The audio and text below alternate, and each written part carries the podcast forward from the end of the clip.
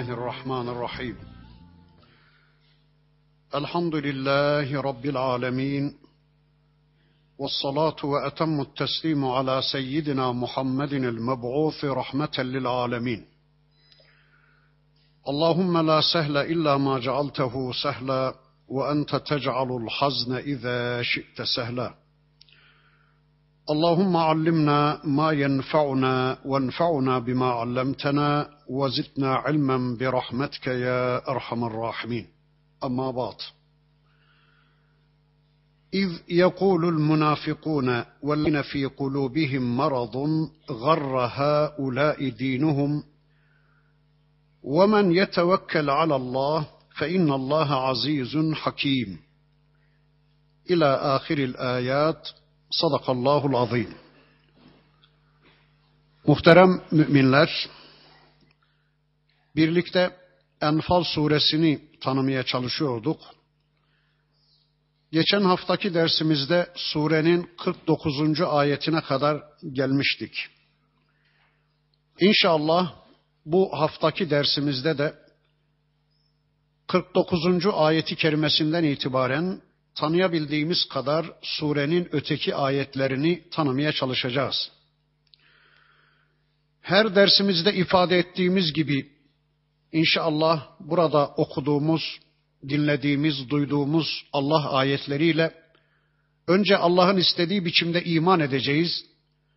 Sonra da bu imanlarımızla yarınki hayatımızı düzenlemek üzere, bu imanlarımızı yarınki hayatımızda görüntülemek üzere ciddi bir çabanın, bir gayretin içine inşallah gireceğiz. En son okuduğum ayetlerinde Cenab-ı Hak müminlerin desteğinde kendisinin olduğunu, kendisinin müminlerin arkasında olduğunu, müminlere güç kuvvet verdiğini, kafirlerin desteğinde de şeytanın olduğunu anlatmıştı. Kafirlerin dostu, kafirlerin destekçisi şeytandır. Geçen hafta okuduğumuz ayeti kerimesinde Rabbimiz şeytanın kafirlere verebileceği desteğin boyutunu ortaya koymuştu. Tam küfür ordusu Müslümanlarla karşı karşıya geldiği bir anda ökçesinin üstünde şeytan gerisin geriye dönmüş. Vallahi ben sizin görmediğinizi görüyorum. İçinde Cebrail'in bulunduğu bir orduyla savaşılmaz. Aklınızı başınıza alın. Ben kaçıyorum. Eğer aklınız varsa siz de başınızın çaresine bakın diyerek oracıkta kafirleri terk edip kaçmıştı. Anlayabildiğimiz kadarıyla sanki şeytan kafirlere destek değil köstek oluyor. Tam savaş esnasında kaçarak şeytan, şeytan kafirlerin üstelik morallerini bozuyor. Allah onu geçen hafta anlatmıştı. Öyleyse bu kafirlerin destekçisi şeytan bu kadar zayıfsa hiç kafirlerden de şeytandan da korkmayın dedi Allah. Sonra bugün okuduğum 49. ayetinde de kafirlerin ikinci dostları, ikinci destekçilerinden söz edecek. Onlar da münafıklarmış.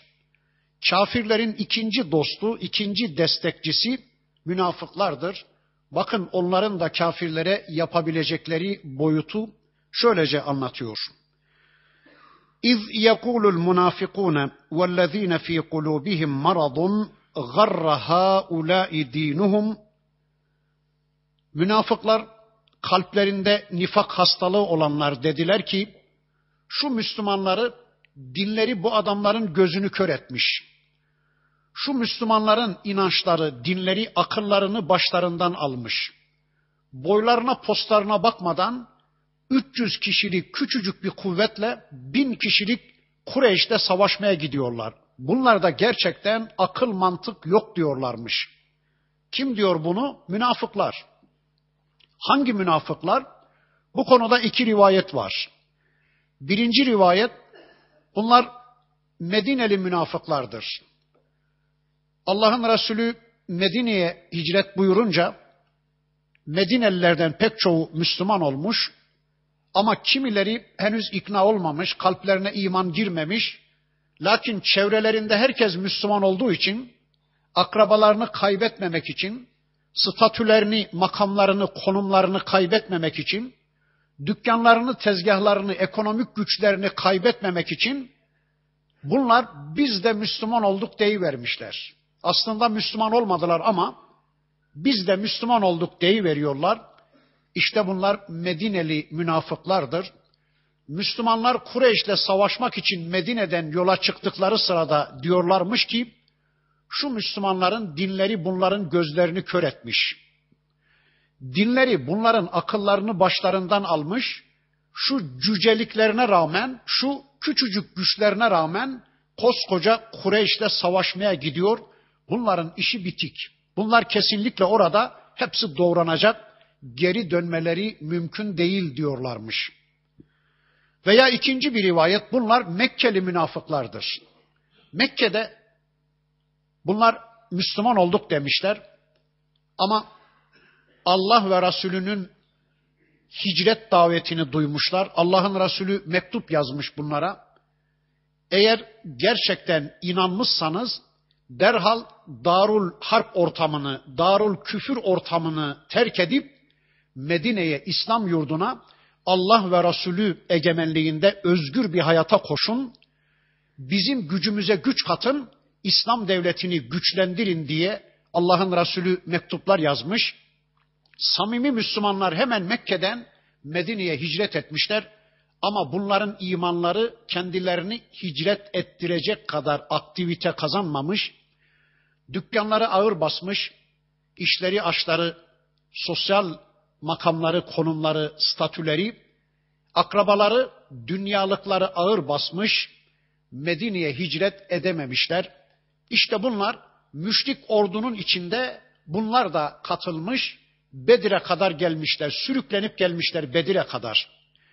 Gelirken şöyle diyorlarmış, duruma bir bakalım. Eğer Müslümanlar güçlüyse Müslümanların safına geçelim. Yok Kureyş güçlüyse bu safta kalalım demişler. Gelmişler Bedir kuyusunun kenarında bakmışlar ki Müslümanların sayısı çok az. Az önceki ayetlerde anlatmıştı Rabbimiz. Müslümanların sayısını az gö- göstermişti Cenab-ı Hak. Bir bakmışlar ki Müslümanların sayısı gerçekten az. Şu adamların dinleri gözlerini kör etmiş. Bu Müslümanların imanları, inançları, akıllarını başlarından almış. Şu küçücük güçleriyle bin kişilik Kureyş ordusuyla savaşmaya gelmişler diyen işte Medineli münafıkların yanında ikinci bir rivayet Mekkeli münafıklar. Allah ne diyor ya? Yani anlıyoruz ki bu münafıklar ister Medineli münafıklar olsun, ister Mekkeli münafıklar olsun, işte bunların gücünün boyutu da bu. Yani bunlar ne samimi kafirler ne de samimi Müslümanlar. Bunlar menfaatlerinin dininde olanlar. Hangi safı güçlü görürlerse o tarafa geçiveren insanlar işte kafirlerin ikinci dostları da bu kadar güçsüzdür. Allah da diyor ki وَمَنْ يَتَوَكَّلْ عَلَى اللّٰهِ Kim Allah'a tevekkül ederse, kim sırtını Allah'a dayarsa, kim işini Allah'a havale ederse, kim Allah'a güvenip teslim olursa, fe innallaha azizun hakim bilsin ki Allah yenilmez ve yanılmazdır. Yanlış düşünüyor münafıklar. Zaferin kazanılması açısından çokluk ya da azlığın hiçbir önemi yoktur. Galibiyetin elde edilmesi açısından güçlü ya da güçsüz oluşun hiçbir önemi yoktur. Önemli olan Allah'a tevekkül etmektir. Az da olsa Allah'a tevekkül eden müminler kafirler karşısında galip gelecektir. Münafıkların bakış açısı yanlıştır. Onların değerlendirmeleri yanlıştır.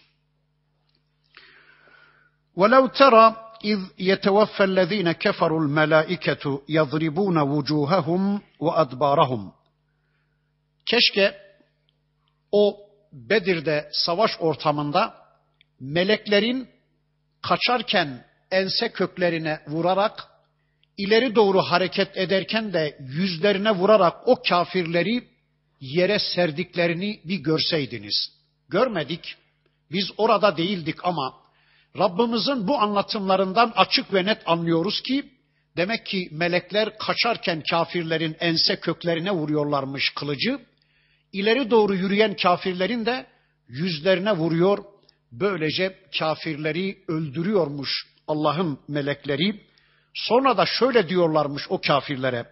وَذُوقُوا عَذَابَ الْحَرِيقِ Hadi bakalım şu alev azabını, şu yangın azabını bir tadın bakalım alçaklar. Allah'la savaşmanın ne anlama geldiğini bir görün bakalım. Bizim elimizde ya da az gördüğünüz, güçsüz gördüğünüz, tepeden baktığınız Müslümanların kılıçlarıyla doğranma azabını bir tadın bakalım. Şu kılıçlarımızın tadına bir bakın bakalım alçaklar. وَذُوقُوا عَذَابَ الْحَرِيقِ ذَٰلِكَ bima قَدَّمَتْ اَيْد۪يكُمْ Yine Allah'ın melekleri o kafirleri öldürürken şunu da söylüyorlarmış. Bu sizin ellerinizle işlediklerinizin karşılığıdır. Ey kafirler! bu sizin kendi tercihinizin karşılığıdır.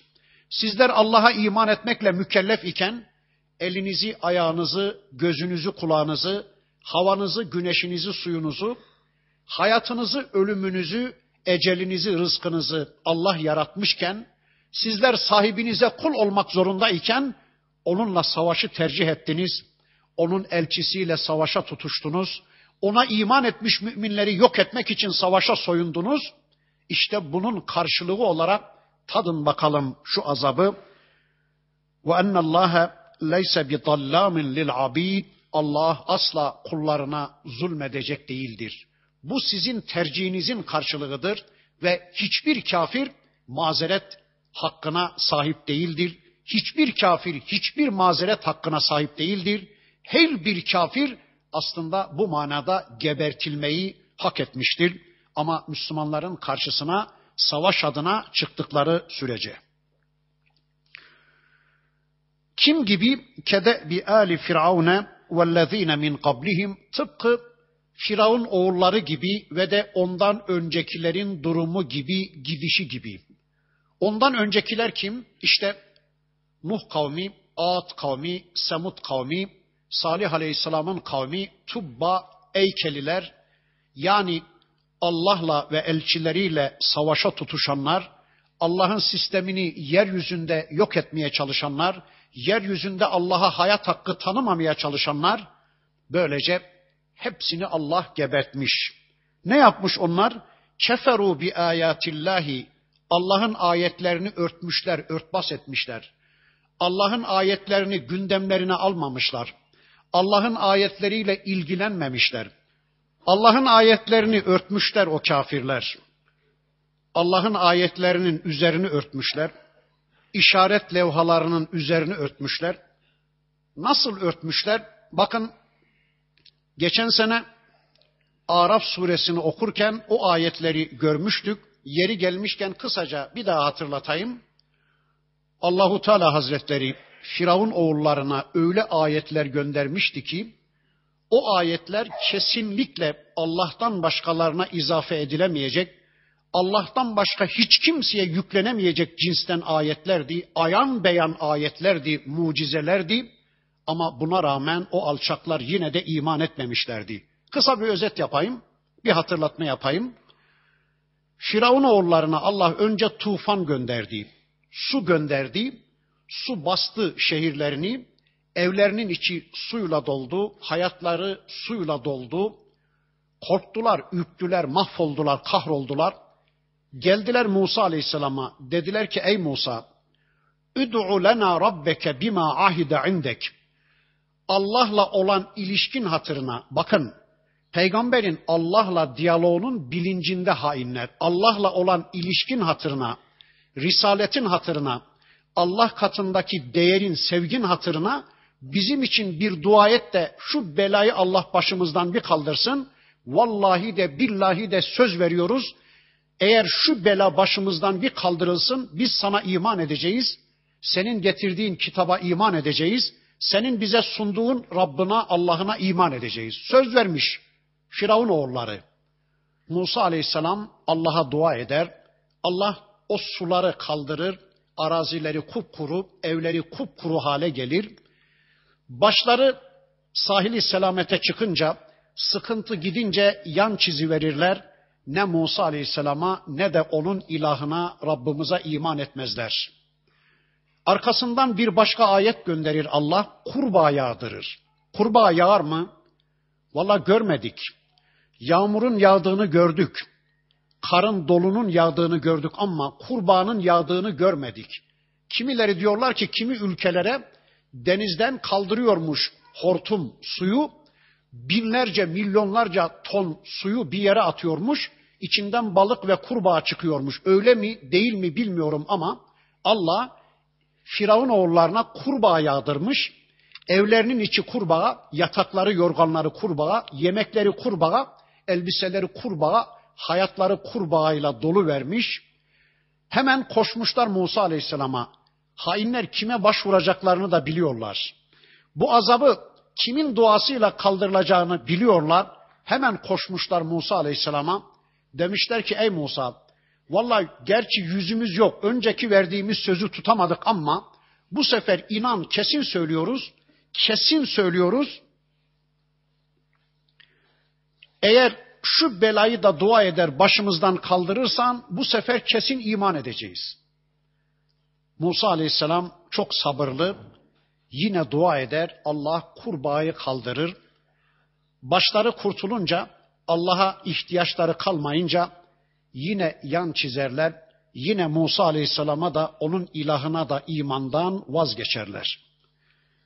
42 ST 117 plakalı arabanın çekilmesi gerekiyormuş. İnşallah bundan sonra arabalarımızı biraz düzgün koyalım da ben de dahil bu sıkıntıyı inşallah ders esnasında yaşamayalım. Kaldırmış Cenab-ı Hak kurbağayı ama yine yan çizmişler. Sonra ne gönderiyor Allah? Çekirgeler sürüsü. Öyle bir çekirge sürüsü göndermiş ki Allah bulutlar halinde tarlalarına inmiş çekirgeler buğdaylar gitmek üzere, tarlalar yok olmak üzere. Bakmışlar ki iş ciddi. Hemen koşmuşlar Musa Aleyhisselam'a. Demişler ki ey Musa bu sefer kesin. Yani kesin söz veriyoruz ki sana iman edeceğiz ve İsrailoğullarını seninle birlikte vereceğiz. Dilediğin yere götür. Şu alçaklardaki samimiyetsizliğe bakın. E madem Musa Aleyhisselam'a iman ediyorsunuz, neden al İsrailoğullarını dilediğin yere götür? İnandığınız peygamberi nereye gönderiyorsunuz? Ha demek ki samimi değiller. İnanacağız sana sözlerinde samimi değiller. Sanki inandıktan sonra başını al şu İsrailoğullarını götür dilediğin yere. Bizden uzak ol da nereye gidersen git demeye çalışıyorlar. Yine samimi değil alçaklar. Ama Musa Aleyhisselam yine Allah'a dua eder. Allah çekirgeler sürüsünü kaldırır Çekirgelerden arta kalan buğdayları hemen hasat ederler tarladan, ambarlarına atarlar, hah derler tamam artık Allah'a ihtiyacımız kalmadı, işi garanti aldık, buğdayları ambara attık derler. Yine Allah'a iman konusunda yan çizerler.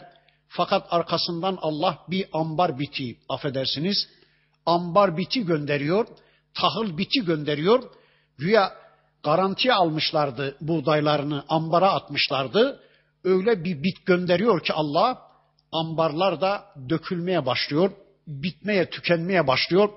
Bakıyorlar ki iş ciddi, yine Musa Aleyhisselam'a geliyorlar. Ey Musa, ne olur bizim için Rabbına bir dua ediver de şu belayı bir kaldırsın, bu sefer kesin diyorlar. Artık bunun şekki şüphesi kalmadı. Kesinlikle iman edeceğiz diyorlar. Yine Musa Aleyhisselam dua ediyor. Allah onu da kaldırıyor. Yine inanmıyorlar. En son kan geliyor kan. Araf suresinde Allah diyor ki dem gönderdik diyor. Kan gönderiyor Allah. Suya el atıyorlar kan. Lavaboya koşuyorlar kan. İçmek için Nil nehrine koşuyorlar kan. Tüm sular kan oluvermiş. Susuzluktan ölüm tehlikesiyle karşı karşıya kalıyorlar mahvoluyorlar, kahroluyorlar. Üstelik o toplumda Müslümanlar da var. Yani İsrailoğulları Musa Aleyhisselam'a iman etmiş Müslümanlar. Onlar köleydi. Onlar içiyor su, berikiler içiyor kan. Hatta kölelerimizin ağzından emelin bari suyu diyorlar. İsrailoğullarının, Müslümanların ağzından, kölelerinin ağzından içmeye çalışıyorlar. Kölelerin ağzında, Müslümanların ağzında su, o ağızdan beriki ağıza geçince yine kan. mahvolmuşlar. Geliyorlar ey Musa ne olur şu tehlikeyi kaldır. Bu defa kesin kaçıncı kesin değişleri. İşte bakın Allah diyor ki onlar Allah'ın ayetlerini örttüler. Üstelik bunlar öyle ayetlerdi ki ne Musa Aleyhisselam'ın göstermesi ne de İsrailoğullarının etkisi olmayan ayetler yani ayan beyan ayetler Allah'tan başka hiç kimsenin güç yetiremeyeceği cinsten mucizeler ayetlerdi. Ama hainler bu ayetlerin üzerini kapattılar, örttüler. Allah da diyor ki فَأَخَذَهُمُ اللّٰهُ بِذُنُوبِهِمْ Allah da günahlarından dolayı onları yakalayıverdi, ağızlarının payını veriverdi. Neyle yakaladı Allah? Gerçi biraz sonra söyleyecek Allah onu ama Kızıl Deniz'le yakaladı, suyla yakaladı. Allah Allah. Bizim bildiğimiz su hayat kaynağıdır. Allah diyor ki biz her şeyi sudan yarattık. Suyu içeriz bakın, hayat kaynağıdır ama hayat kaynağı olan su onlar için hayatın son vericisi oldu. Suda Allah onları boğu verdi. Allah yakaladı mı tam yakalar. Kimilerini suyla yakalar, kimilerini bir rüzgarla yakalar Ağat kavmini. Öyle bir rüzgar gönderdi ki Allah sarsar denen bir rüzgar. Yedi gün sekiz gece esi verdi de taş taş üstünde bırakmadı. Her şeyi büküp büküp attı. Kırk metre boyundaki insanlar içini kurt yemiş hurma kütükleri gibi, çürük hurmalar gibi yerlere serili vermişler. Kimilerini rüzgarla yakalar, kimilerini bir bulutla yakalar, kimilerini bir sayhayla yakalar, kimilerini bir sinekle yakalar. Nemrud'u, koskoca Nemrud'u küçücük bir sinekle yakaladı değil mi Allah? Kimilerini IMF ile yakalar, kimilerini AYT ile yakalar, kimilerini ortak pazarla yakalar, kimilerini çekilmez bir hanımla, kimilerini geçimsiz bir kocayla yakalar, kimilerini zalim bir devlet başkanıyla, kimilerini doyumsuz bir patronla yakalar. Allah'a kullukta falsolar yapmaya başlarsanız bir şeylerle yakalar Allah sizden intikamını alıverir. Unutmayın. Allah yakaladı mı? Tam yakalar. فَأَخَذَهُمُ اللّٰهُ بِذُنُوبِهِمْ Günahlarından, isyanlarından dolayı Allah onları yakalayıverdi. Ağızlarının payını veri verdi. Çünkü innallaha kaviyyun şedidul ikab. Allah çok kavidir, çok güçlüdür ve yakalaması, ceza vermesi de çok şedittir, çok şiddetlidir. Peki neden böyle yapıyormuş Allah? ذَٰلِكَ بِأَنَّ اللّٰهَ لَمْ يَكُنْ مُغَيِّرًا نِعْمَةً اَنْعَمَهَا عَلَى قَوْمٍ hatta yugayyiru ma bi enfusihim. Bunun sebebi şuymuş bakın. Allah bir topluma verdiği nimetlerini o toplum kendi içindekilerini değiştirmedikçe, kendisini değiştirmedikçe yani o toplum nankör hale gelmedikçe o nimetleri onlardan almazmış. Bu Allah'ın bir yasası. Bir daha söyleyeyim ağır ağır. Allah bir kişiye bir nimet vermişse ya da bir topluma bir nimet vermişse o toplum nankörleşmedikçe o nimete ehil olmaktan kendi kendini çıkarmadıkça Allah o topluma verdiği nimeti geri almazmış. Allah'ın böyle bir sünneti varmış. Hangi nimet? İman nimeti, takva nimeti, teslimiyet nimeti, sıhhat nimeti, sağlık nimeti, servet nimeti, akıl nimeti, göz nimeti, kulak nimeti, zaman nimeti, kitap nimeti, peygamber nimeti, risalet nimeti, hava nimeti, güneş, su nimeti. Bunların hepsi nimettir. Allah bir kişiye ya da bir topluma bu nimetleri verdi de eğer o toplum ya da o kişi bu nimetleri sahibine kulluk yolunda kullanmışsa, eğer o nimetleri kullanırken sahibini hep hafızasında canlı tutmuş, zikretmişse nasıl olur? Bismillah. Elhamdülillah. İşte bu nimetin şükrüdür. Ben bu nimeti kullanırken Allah'a andım, Allah adını andım.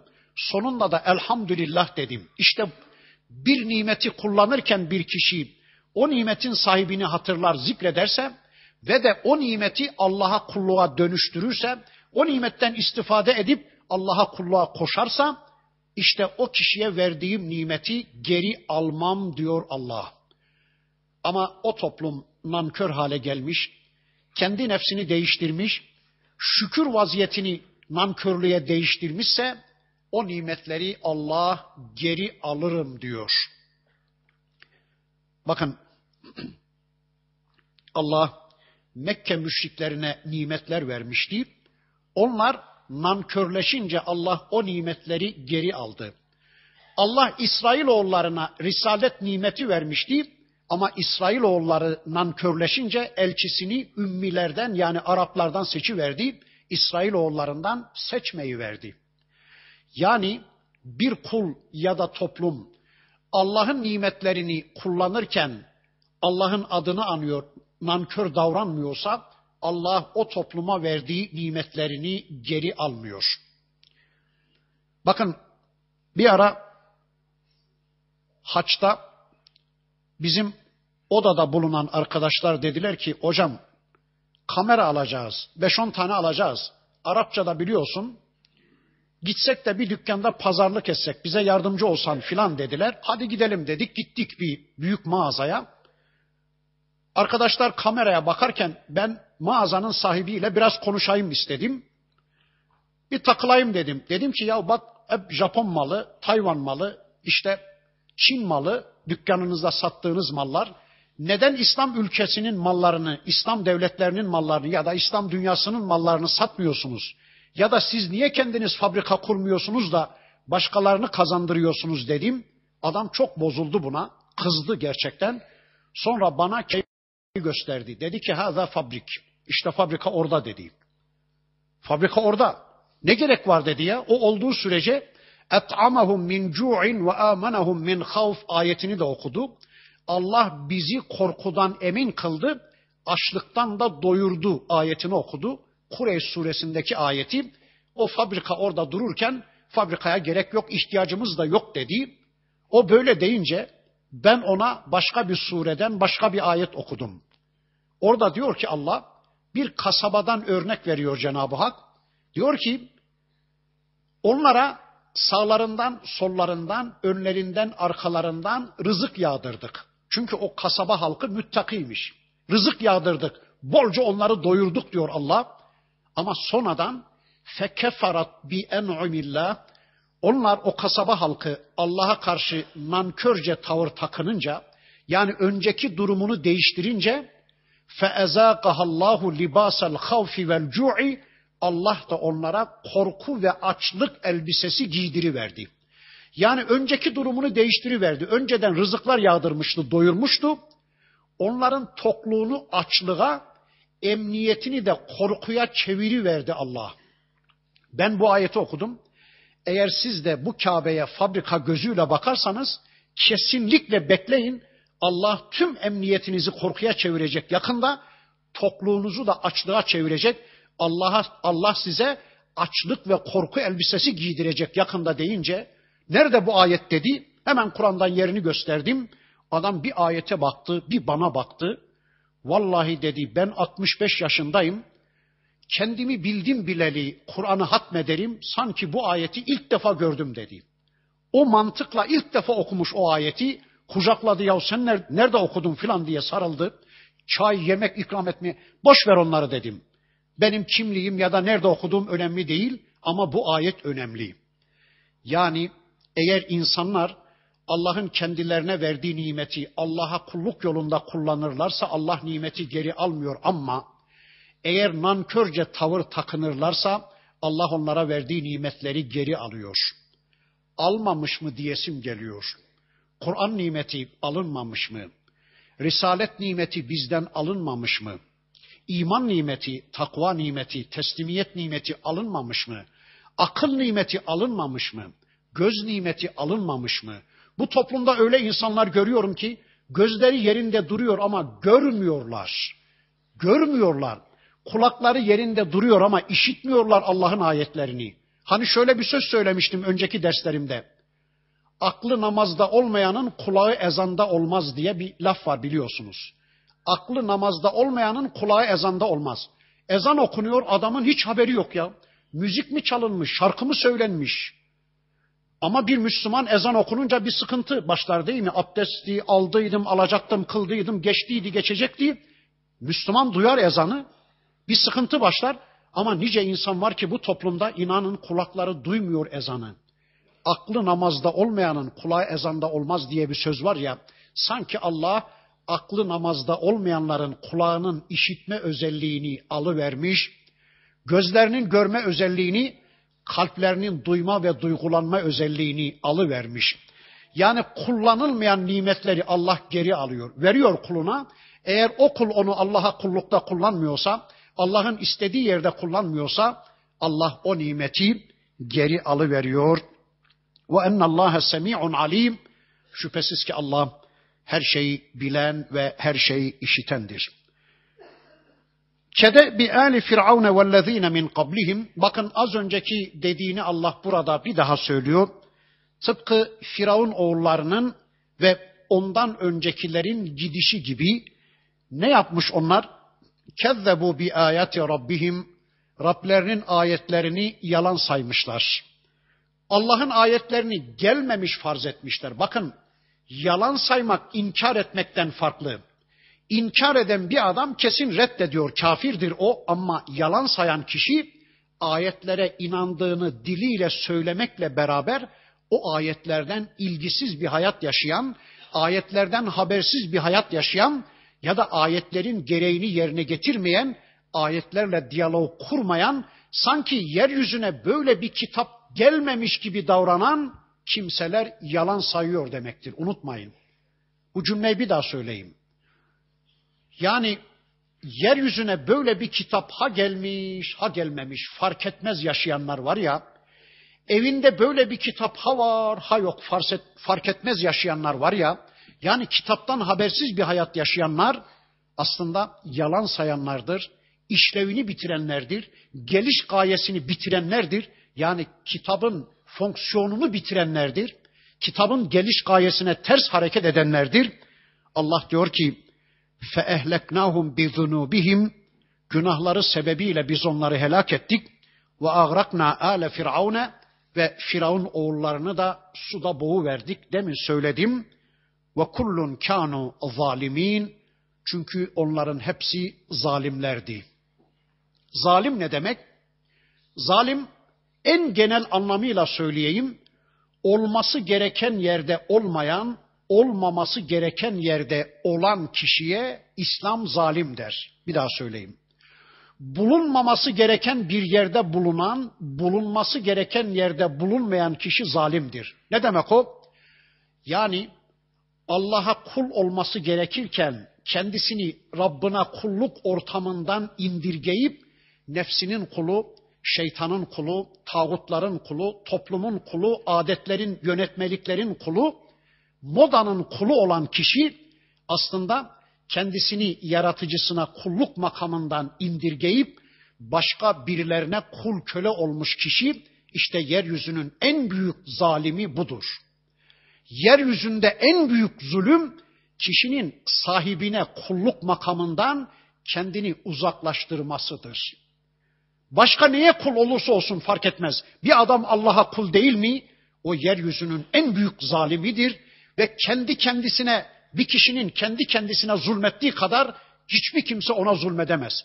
Elini, ayağını, gözünü, kulağını cehenneme ipotekleyen bir adam, azaba götüren bir adam kendi kendine öylesine zulmetmiştir ki bir başkası kendisine zulmeden kişiye o kadar zulmedecek değildir. İnne şerrad devabbi indallahi çok enteresan bir ayetle karşı karşıyayız. Allah katında debelenen, hareket eden, devinim gösteren hayvanların en şerlisi ellezine keferu kafirlerdir. Allah Allah. İfadeye bakın yeryüzünde debelenen, hareket eden, devinim gösteren hayvanların yılandı, çıyandı, akrepti, mikroptu fark etmez. O hayvanların en şerlisi, en kötüsü ellezine keferu. Kafirlermiş. Allah Allah. Biz hiç böyle düşünmüyorduk. Bakıp bakıp kafirlere imreniyorduk. Ya yolları şöyle, köprüleri şöyle, ekonomileri şöyle, eğitimleri şöyle, sosyal ve siyasal yapılanmaları böyle diye bakıp bakıp imreniyorduk. Gözümüz kamaşıyordu kafirler karşısında. Şahsiyetimiz bozuluyordu. Allah da diyor ki yeryüzünde debelenen, hareket eden hayvanların en şerlisi, en kötüsü kafirlerdir. Gerçekten şu anda kafirler cehennemi bir hayat yaşıyorlar. Altlarından kaçırdıkları kadınları, üstlerinden kaçırdıkları kocalarıyla kalpleri parça parça olmuş. Düşünebiliyor musunuz? Bir adam, hepimiz şeriat evindeyiz, ailelerimiz var, onlarla katılıp karıştık, sevdik, sevildik.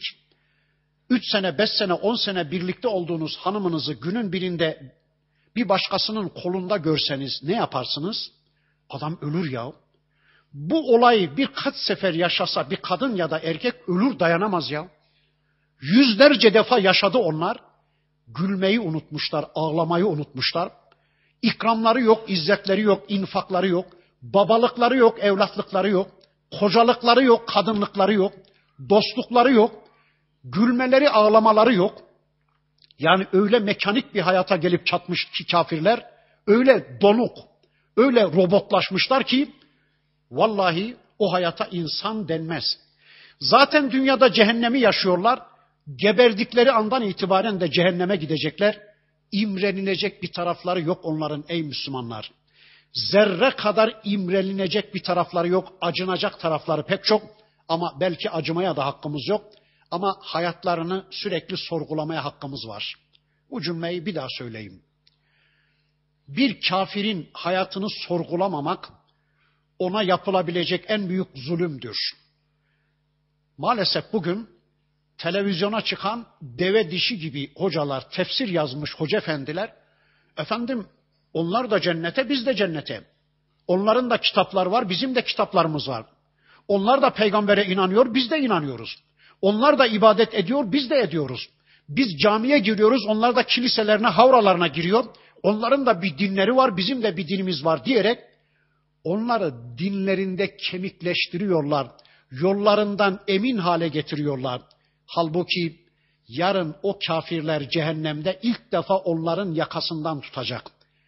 Ey hainler!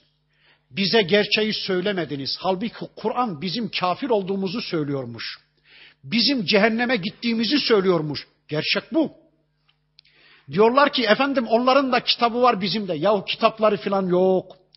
Yüz yıllar önce atalarının ezip bozduğu Tevrat diye bir paçavra var ellerinde. Ataları ezmiş, bozmuş. Yığınlarla insan sözüyle doldurmuş. Kitapları falan yok aldatmayın. Gerçeği söyleyin. Yüzyıllar önce atalarının ezip bozduğu bir İncil var, bir paçavra var ellerinde. Gökten inen İncil değil, Allah böyle söylüyor. Bunu televizyonda açıkça söyleme cesaretini gösteremiyorsan, göremiyorsan çıkma ya. Cesur birileri çıksın da konuşsun. Aldatmayın bu ehli kitabı, bu Yahudi ve Hristiyanları. Kur'an onların kafir olduğunu söylüyor.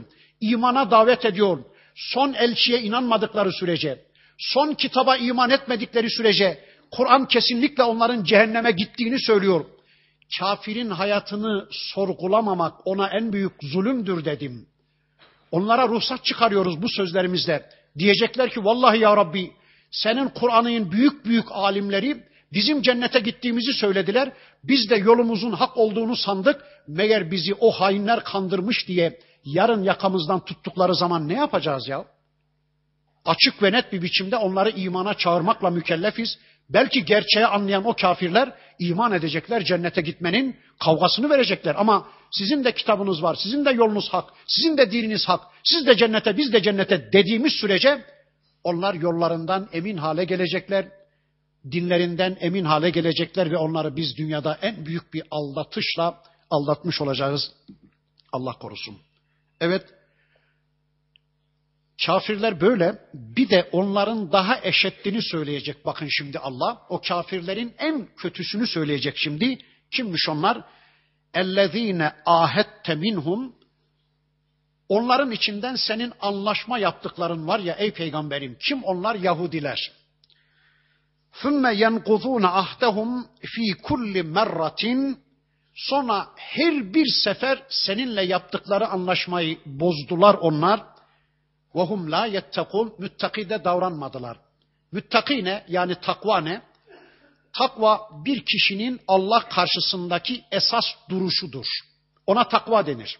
Bakın biz bir söz verdiğimiz zaman, bir amel işleyeceğimiz zaman Allah elde bir diyoruz değil mi? Ya, ya Allah'ı kızdırırsam, ya Rabbimi gazaplandırırsam, bu söze Allah razı değilse diye o Allah inancı, Allah karşısındaki esas duruşumuz bizi kötülükleri, günahları işlemekten alıkor.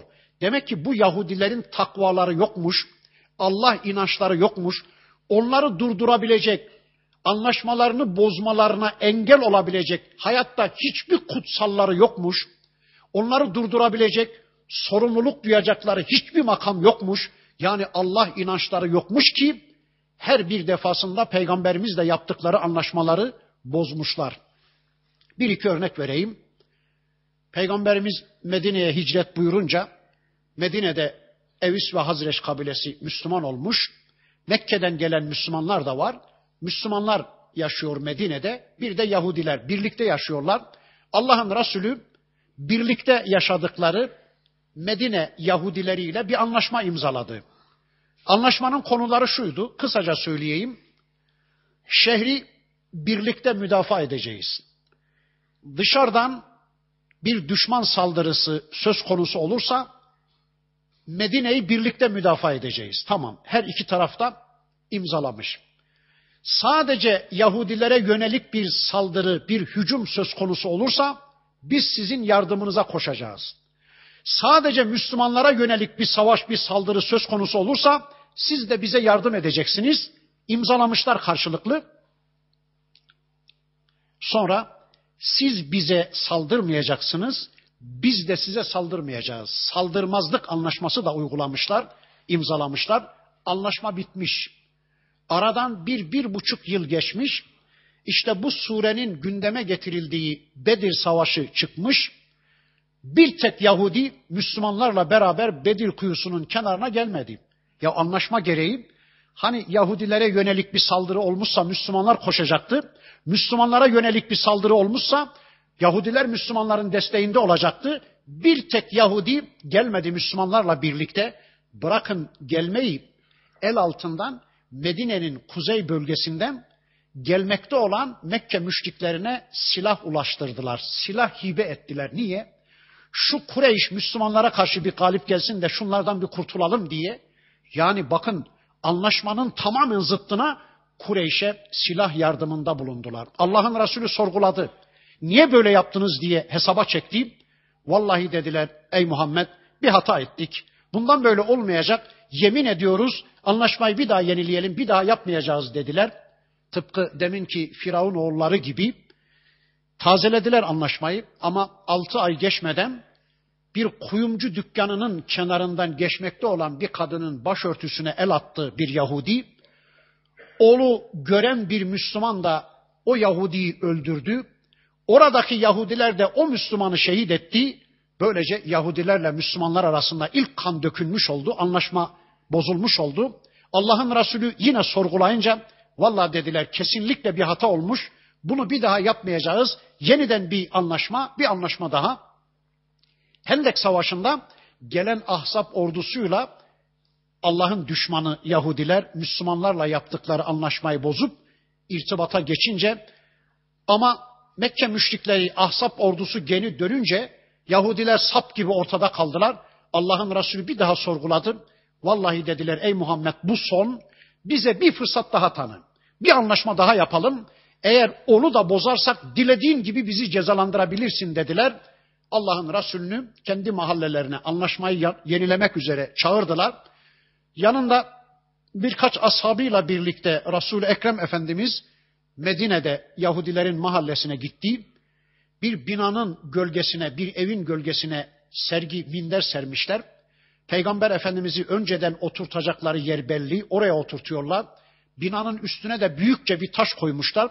Birisi kazara düşürecek taşı oracıkta bir komplo hazırlamışlar. Resul-i Ekrem Efendimiz'i şehit edecekler. Allah'ın Resulü'nün hiçbir şeyden haberi yok. Anlaşmanın şartlarını konuşmaya başlarlar. O anda Cebrail aleyhisselam gelir. Ey Muhammed üstünde bir taş var sana bir komplo hazırladı bu hainler. Derhal burayı terk et der. Allah'ın Resulü kalkar arkadaşlarını da oradan uzaklaştırır. Bunun bunun vebalini ağır ödeteceğim der Yahudilere. Zaten son şanslarıydı. Ertesi gün Müslümanlar Yahudilerin üzerine yürüyünce öyle bir korku içine girerler ki Allah diyor ki biz onların kalplerine korku attık. Elleri yanlarına düşüverdi. Elleri kılıçlarına gitmedi. Yani savaşı yöneten Allah. Bir de baktınız ki bir de bakın ki diyor Allah kale gibi evleri varmış Medine'de Yahudilerin.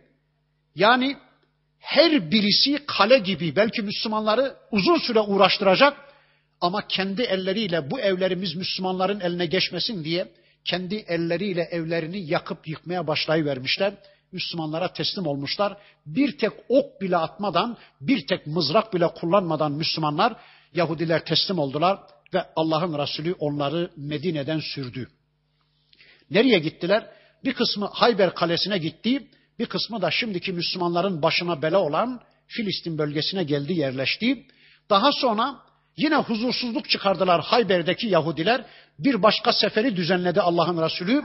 Hayber'i fethetti. Bir kısmını kılıçtan geçirdi. Bir kısmını da yine sürdü. O sürülenler de işte şimdi Müslümanların başına bela olan Filistin bölgesine gelip yerleştiler. Bakın kafirler dedi Allah yeryüzünde debelenen hayvanların en adisi, en şerlisi ama onlardan daha şerlisini, en adisini söyleyeyim. Onlar da peygamberle yaptıkları anlaşmayı her defasında bozan Yahudilerdir. Allah diyor ki bakın fe imma tezkafennehum fil peygamberim savaşta onları nerede ele geçirirsen fe şerrit bihim men halfehum leallehum yezzekkerun. O hainlere öyle bir darbe indir ki onları öyle bir etkisiz hale getir ki ey peygamberim arkadan gelen öteki kafirlere ibret olsun.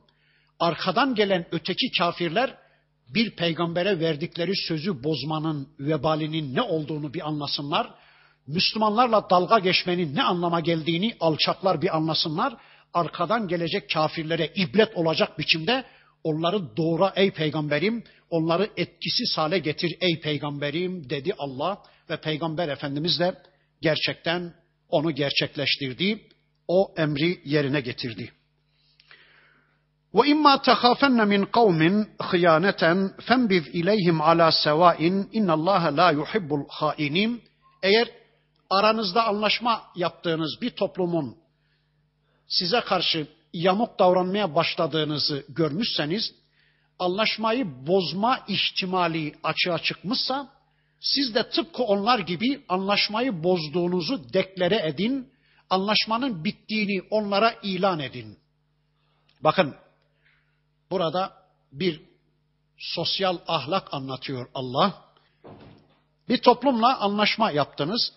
O toplumun anlaşmayı bozma eğilimini gördüyseniz diyor Allah, siz de onlara anlaşmayı iade edin, anlaşmayı bozduğunuzu deklare edin, ilan edin. Değilse, İnna Allah la yuhibbul hainin. Unutmayın Allah hainleri sevmez. Yani sanki anlaşma devam ediyormuş gibi davranarak anlaşmayı feshettiğinizi açıkça söylemeyerek sanki aranızdaki anlaşma devam ediyormuş gibi davranarak ansızın hazırlıksız bir şekilde Onlara saldırı yapmanız hainliktir. Bunu ancak kafirler yapar. Sakın ha peygamberim Allah hainleri sevmez. Siz böyle yapmayın. وَلَا يَحْسَبَنَّ الَّذ۪ينَ كَفَرُوا سَبَقُوا Sakın ha kafirler yamuk davranarak, anlaşmalarını bozarak sizi geçeceklerini sanmasınlar. Geride bırakacaklarınızı geride bırakacaklarını, size karşı galip geleceklerini sanmasınlar. İnnehum la yu'cizum. Onlar Allah'ı asla aciz bırakamazlar. Onların karşısında Allah var. size karşı, Müslümanlara karşı yamuk davrananlar Allah'ı aciz bırakacaklarını, Allah'ı atlatıp kandıracaklarını sanmasınlar. Peki buraya kadar anladık ki Müslümanların desteğinde Allah var tamam. Peki biz ne yapacağız?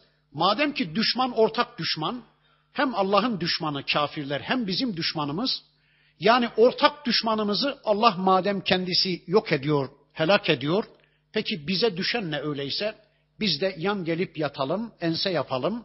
Zaten Allah düşmanlarını halledebilecek güçtedir. Öyle değil. Bize düşen neymiş? Bakın bundan sonraki ayeti kerimesinde Rabbimiz onu şöylece açık ve net bir biçimde ortaya koyuyor. Bakın diyor ki: "Ve a'iddu lehum" Onlar için hazırlık yapın. Mestata'tum min kuvvetin gücünüz yettiği kadar güç hazırlayın, kuvvet hazırlayın o düşmanlarınız için. Ve min irbatıl hayli bir de savaş için bağlanmış, beslenmiş atlar hazırlayın. Ne olacakmış? Turhibune bihi aduvallahi ve aduvakum. Hem sizin hem de Allah'ın düşmanlarını korkutmak için, onların gözünü korkutmak için güç hazırlayın, gücünüz yettiği kadar ve de bağlanmış cihat için hazır bekleyen atlar hazırlayın. Ve aharine min dunihim bir de bunun dışındaki düşmanlarınız için ki la ta'lemunhum siz onları bilmezsiniz. Allahu ya'lemuhum. Allah biliyor. Allah'ın bilip de sizin bilmediğiniz daha başka nice düşmanlarınız var bilmeyiz ki şu anda hangi kafir bize bir komplo hazırlıyor, için için bize düşmanlık besliyor bunu bilemeyiz ki. Öyleyse Allah'ın da bildiği, sizin de bildiğiniz düşmanlarınız için Allah'ın bilip de sizin bilmediğiniz düşmanlarınızın gözünü korkutmak için, onları sindirmek için, caydırıcı olsun diye, onları durdurmak için, onların savaşına, kan dökmesine engel olmak için gücünüz yettiği kadar kuvvet hazırlayın ve de bağlanmış atlar hazırlayın. Bakın, demek ki biz yatmayacağız. Biz yatmayacağız. Bir hazırlığın içinde olacağız ama o hazırlık bizim gücümüzün yettiği kadar olacak. Dikkat edin. Efendim kafirlerin Amerika'nın şu anda atom bombası var bizim yok ne yapacağız? Allah diyor ki siz bu hesabın içine girmeyin onu bana bırakın. Sizin gücünüz niye yetiyor? Elinizde hangi tür silahlar var? Hemen onunla Amerika'nın karşısına çıkın. Avrupa'nın kafirlerin karşısına çıkın. Gerisini bana bırakın. Yani kafirlerin elinde şu şu şu silahları var bizim elimizde yok diye sakın bir hesabın içine girmeyin. Onu bana bırakın. Siz elinizde ne var gücünüz niye yetiyor? Onunla kafirlerin karşısına çıkın. Gerikkini bana bırakın. Gerisini bana bırakın. Allah Allah. Anladınız mı? Çünkü kafirlerin elinde nice silahlar var ki zaten Müslümanlar onu kullanamaz. Mesela bir atom bombası olsa kullanacak mıyız? Bir şehre atacak mıyız? Hayır, atamayız. Orada kadınlar var, orada çocuklar var, orada yaşlılar var, orada din adamları var, orada savaşa iştirak etmeyenler var, orada masum insanlar var. Buna hakkımız yok. Amerika Hiroşima'ya atom bombası attı. Binlerce insan öldü, binlerce insan yaralandı, binlercesi sakat kaldı. Hala şu anda doğuran kadınlar sakat çocuk doğuruyor. Buna hakkı var mı? Bir insanın hayır. Zaten Müslüman böyle bir şey kullanamaz. Onlar eroin kullanıyor silah olarak. Biz kullanabilir miyiz? Hayır. Onlar kadın kullanıyor silah olarak. Biz kullanabilir miyiz? Hayır. Biz bu tür haince silahları kullanamayız. Elimizde ne var? Gücümüz niye yetiyor? Düşmanımızın karşısına onunla çıkacağız. Gerisini Allah'a bırakacağız. Ötekinin hesabı içine girme. Allah öyle diyor. Siz gücünüz yettiğinden sorumlusunuz. Elinizde ne tür silahlarınız varsa çıkın onların karşılarına. Gerisini bana bırakın. Öbürünün hesabı içine girmeyin. Evet.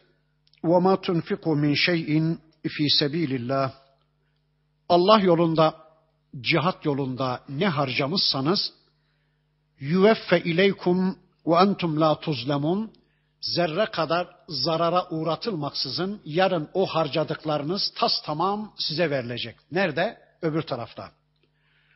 Cihat için ne hazırladınız? Ne masraf yaptınız? Hazırlık yapmak zorunda. Yeryüzü kafirleri siz hazır olsanız da olmasanız da, siz onlarla savaşsanız da savaşmasanız da şunu kesinlikle bilesiniz ki Amerika, Hristiyanlık dünya, Yahudilik dünya, kafir dünya kesinlikle siz güçlü oluncaya kadar sizinle barış masasına oturmayacak, sizin kanınızı dökmekten vazgeçmeyecek, yeryüzünde bir tek Müslüman kalmayıncaya kadar savaşlarını sürdürecekler. Bunu unutmayın. Siz güçlü olduğunuz zaman onlar barışa razı olurlar. Siz güçlü olduğunuz zaman onlar savaştan el çekerler. Allah'a da inanmayan, ahirete de inanmayan insanları durduracak bir güç yok ki sizin güçlü olmanız, sizin hazırlıklı olmanız ne hazırlayacaksınız? Vallahi herkes hazırlık yapmak zorunda. Yeryüzü kafirleri kesinlikle bize rahat vermeyecek. Zaten İslam'da savaşın hedefi barışı sağlamaktır. İslam'da barış esastır, savaş değil ama barışı sağlamanın yolu da savaştan geçer. Hani Osmanlı padişahlarından birisi öyle diyordu. Hazır ol cenge ister isen sulhu salah. Gerek ülkende gerek dünyada sulhu salah, barış istiyorsan cenge hazır olmak zorundasın. Güç ortaya koymak zorundasın. Seni güçlü gören kafir ancak duracaktır, korkacak, caydırıcı olacaktır. O zaman barışa yanaşacaktır. Değilse işte birini yok etmeye çalışıyor. Ertesi yıl bir başkasına, ertesi yıl bir başkasına, ertesi yıl belki bize bilmiyoruz. Ne fark eder biz ya da öteki? Onlar bizim kardeşlerimiz değil mi? O Müslümanlar bizim kardeşlerimiz değil mi? Öyleyse güç hazırlayın ey Müslümanlar. Ne harcamışsanız unutmayın yarın Allah katında tas tamam size verilecek. Ve in cenahu lisselmi eğer kafirler barışa yönelirler, barıştan söz etmeye başlarlarsa fecnah leha sen de barışa yönel. Hemen barışı kabul et peygamberim. Çünkü az evvel söyledim. Esas barıştır, savaş değil. Barış esastır, savaş değil. Savaş barışı sağlamak içindir. Bakın Allah diyor ki karşınızdaki kafirler sizinle, bar, sizinle barıştan söz etmeye başlamışsa hemen siz de kabul edin, hemen barışa yanaşın. Çünkü Allah hep barıştan yana. Ve tevekkel alallah ama karşınızdaki kafirler sizinle barışır gibi görünüp de siz terki silah ettikten sonra ansızın size saldırmayı falan düşünüyorlar. Haince bir planın içindelerse o zaman da Allah'a tevekkül edin, korkmayın. Ve tevekkel alallah. Allah'a güvenin, dayanın. Çünkü ve huves semi'ul alim. O Allah her şeyi işiten ve bilendir. Bırakın o kafirlerin komplolarını, konuştuklarını, kalplerinden geçen niyetlerini bile Allah bilmektedir. Bu konuda Allah'a güvenin, korku içine düşmeyin. Ve in yuridu hıyaneteke ve in yuridu en yahtauke eğer o kafirler size karşı hainlik düşünürlerse fe inne hasbekallah ey peygamberim sana Allah yeter. Hasbekallah Allah sana yeter. Hasbunallah Allah bize yeter. Hasbekallah Allah sana yeter. Allah'a güven dayan ya da hesabında Allah olsun. Hasb bir de hesap anlamına geliyor. Hesabında hep Allah olsun. Allah elde bir de. Korkulmaya ilk layık Allah. Sevilmeye ilk layık Allah. Güvenilmeye ilk layık Allah diye Allah elde bir deyin hesabınızda Allah olsun. Tüm hattu harekatınızı Allah belirlesin.